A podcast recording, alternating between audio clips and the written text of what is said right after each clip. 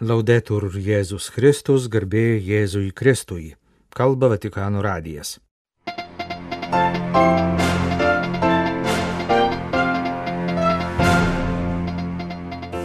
Popiežius priemė sutoktinių susitikimų judėjimo narius.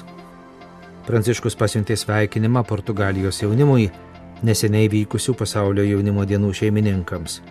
Rugsėjo 26-ąją popiežius nuotoliniu būdu bendraus su Azijos jaunimu. Žemės drebėjimas Marokė popiežiaus užuojauta. Pasirengimai 2025 m. jubiliejui El Greco tapybos paroda Romoje. Laidos pabaigoje 23 eilinio sekmadienio Evangelijos komentaras.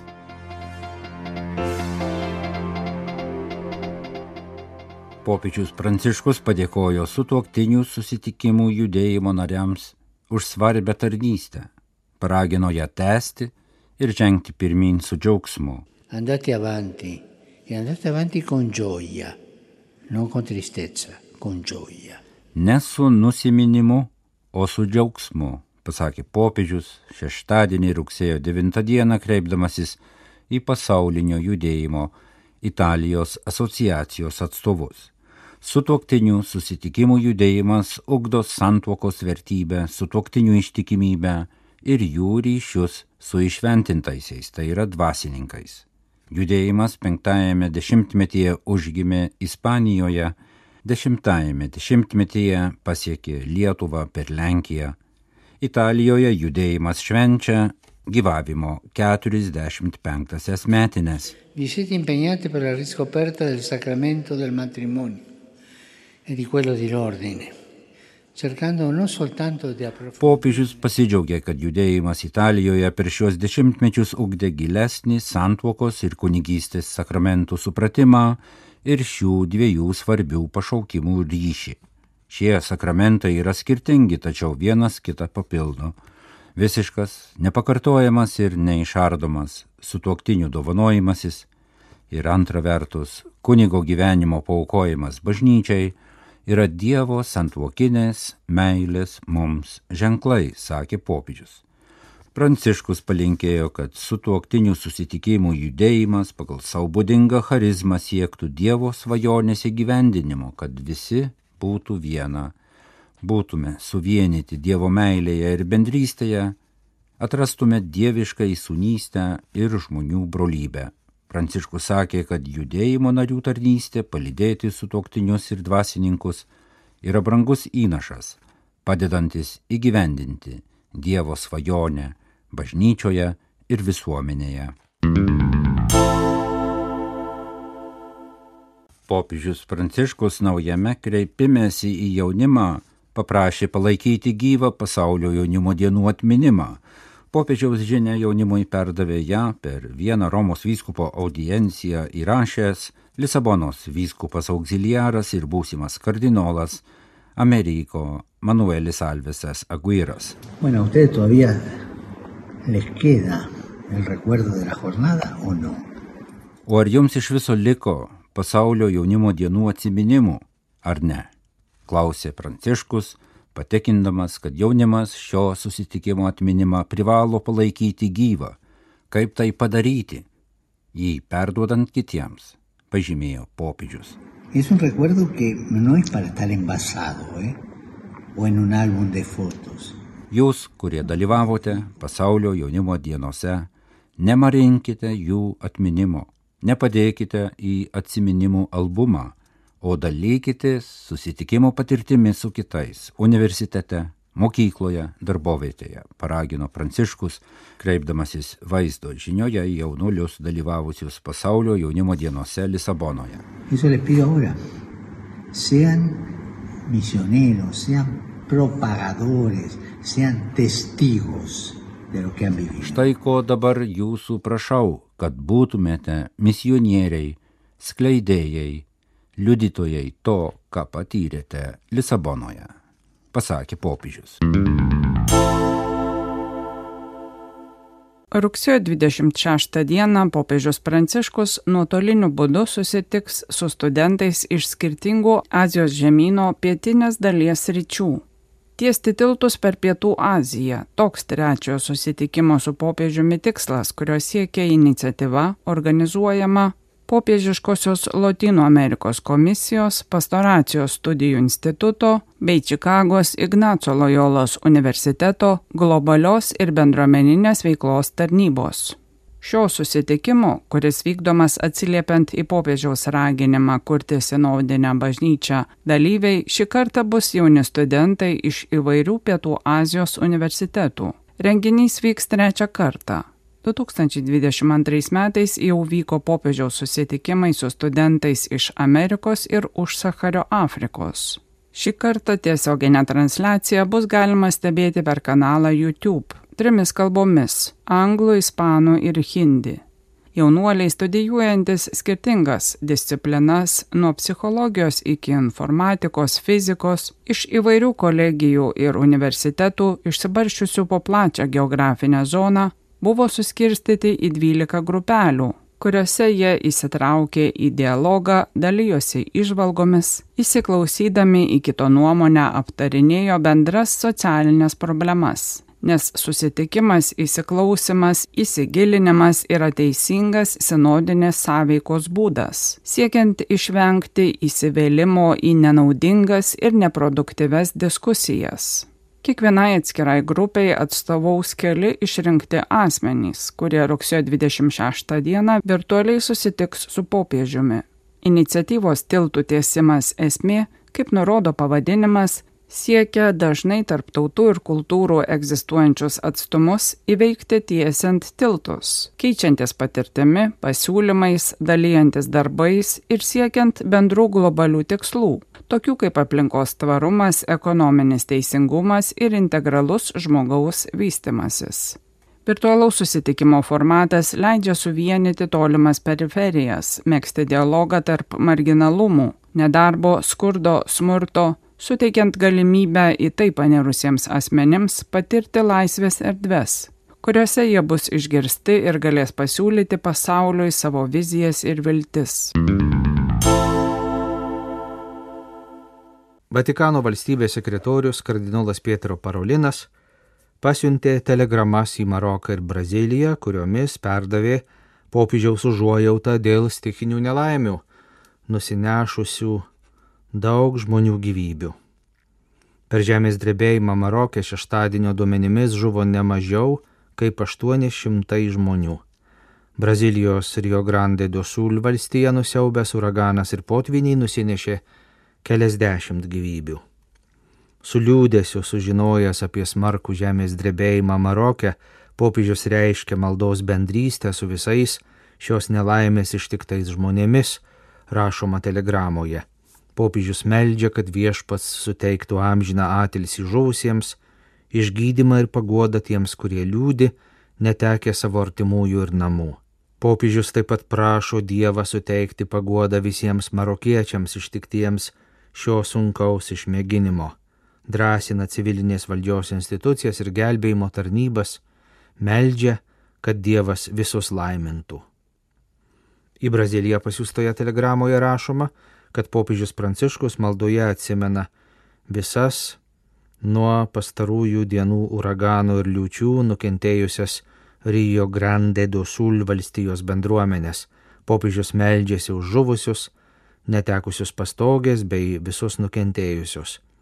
Kaip paguodos ženklą visiems jis siunčia savo apaštališką į palaiminimą.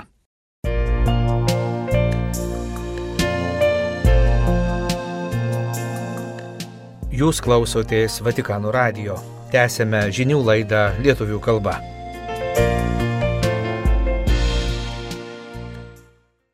Rugsėjo 6 spalio 5 dienomis Šventosios Agnietės bažnyčioje pačiame Romos centre Nabonos aikštėje galima aplankyti parodą skirtą žymiajam graikų kilmės ispanų dailininkui El Greco.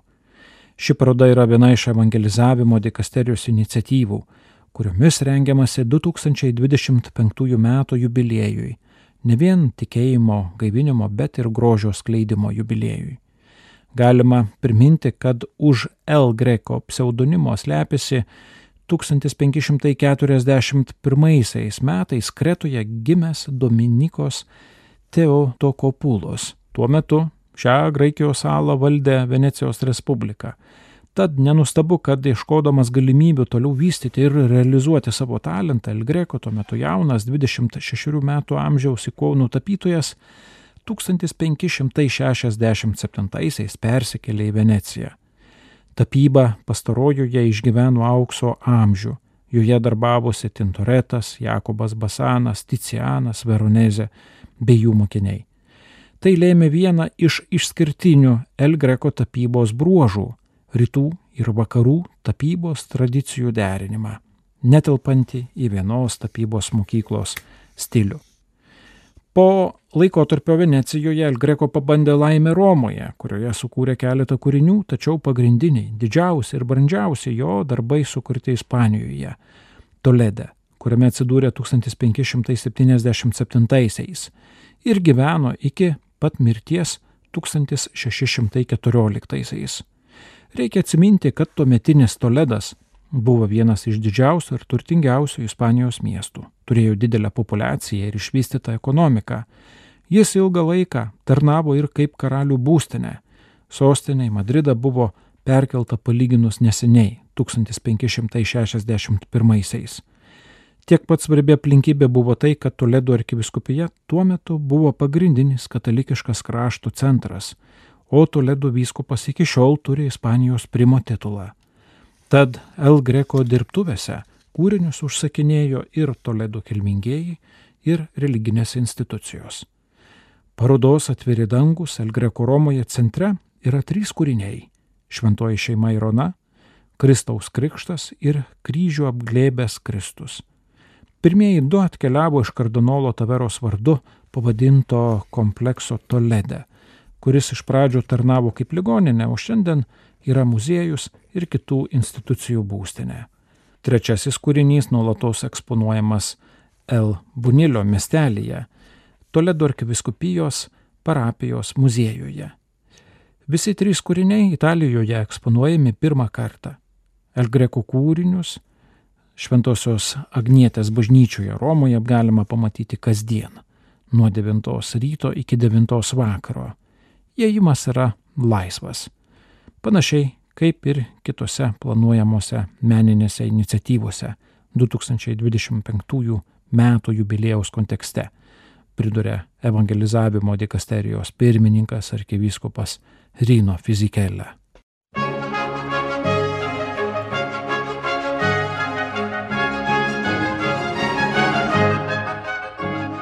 Dvidešimt trečiasis eilinis sekmadienis iš Evangelijos pagal Matą. Jėzus pasakė savo mokiniams, jei tavo brolis tau nusikalstų, eik ir bark jį prie keturių akių. Jeigu jis paklausys, tu laimėjai savo brolį, o jei nepaklausytų, pasiimk su savimi dar vieną ar du, kad visa byla remtųsi dviejų ar trijų liudytojų parodymais. Jeigu jis ir jų nepaklausytų, pranešk bažnyčiai, o jei nepaklus nei bažnyčiai, tebūnie jis tau kaip pagonis ir muitininkas. Iš tiesų sakau jums, ką tik jūs surišite žemėje, bus surišta ir danguje, ir ką tik atrišite žemėje, bus atrišta ir danguje. Ir dar sakau jums, jeigu kas iš jūsų susitars žemėje dviese melstį kokio dalyko, jiems mano dangiškasis tėvas jį suteiks kur du ar trys susirinkę mano vardu, ten ir aš esu tarp jų. Skaitome 23 eilinio sekmadienio Evangelijos komentarą. Kelionė kartu. Šiandien girdime Jėzų kalbant apie dialogą ir susitikimą. Jei tavo brolis tau nusikalstų, eik ir bark jį prie keturių akių. Verta pastebėti, kad šiuo atveju esminis žodis yra eik. Neturime užsidaryti priešiškoje tyloje, demonstruodami, kaip smarkiai esame įžeisti, bet turime pasirūpinti atkurti santykius. Žinoma, gali kilti atrodytų teisėtas klausimas, kas įgaliojo mane kištis į kito žmogaus gyvenimą. Galbūt tai pretenzija, jog mes suvokiame tikrąją tiesą ir galime ją savotiškai primesti kitiems. Ne, vienintelis motyvas taip pasielgti yra kitas žodis - brolis.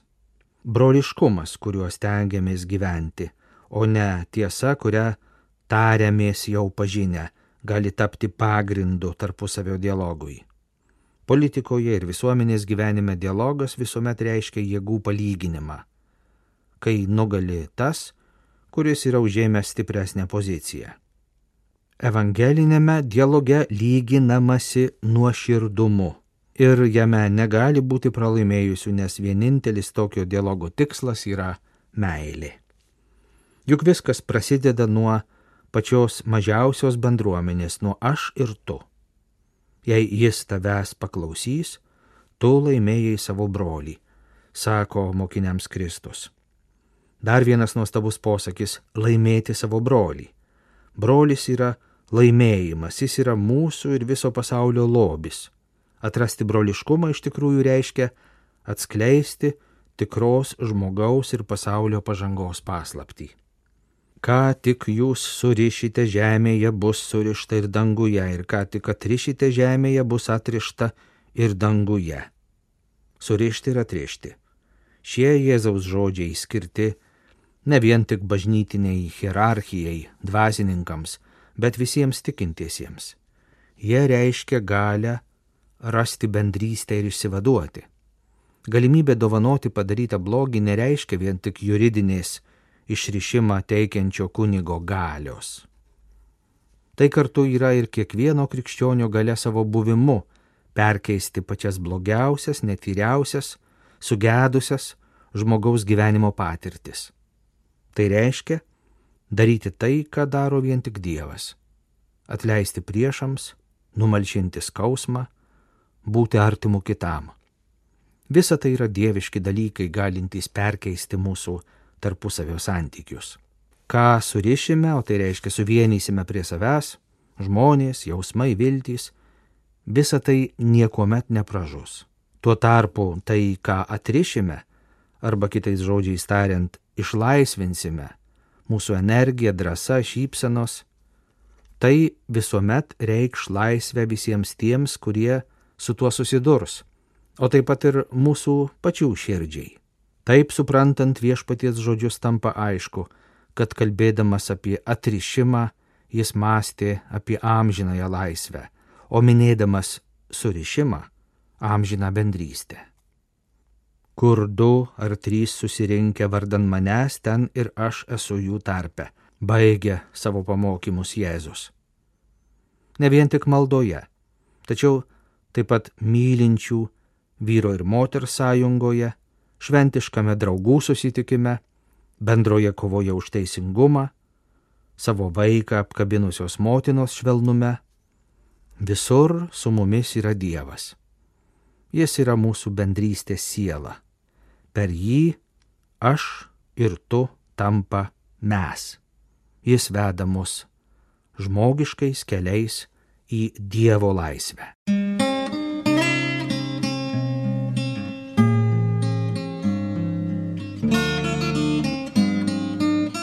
Kalba Vatikano radijas. Laidą lietuvių kalba baigėme. Garbėjai Jėzui Kristui, laudetur Jėzus Kristus.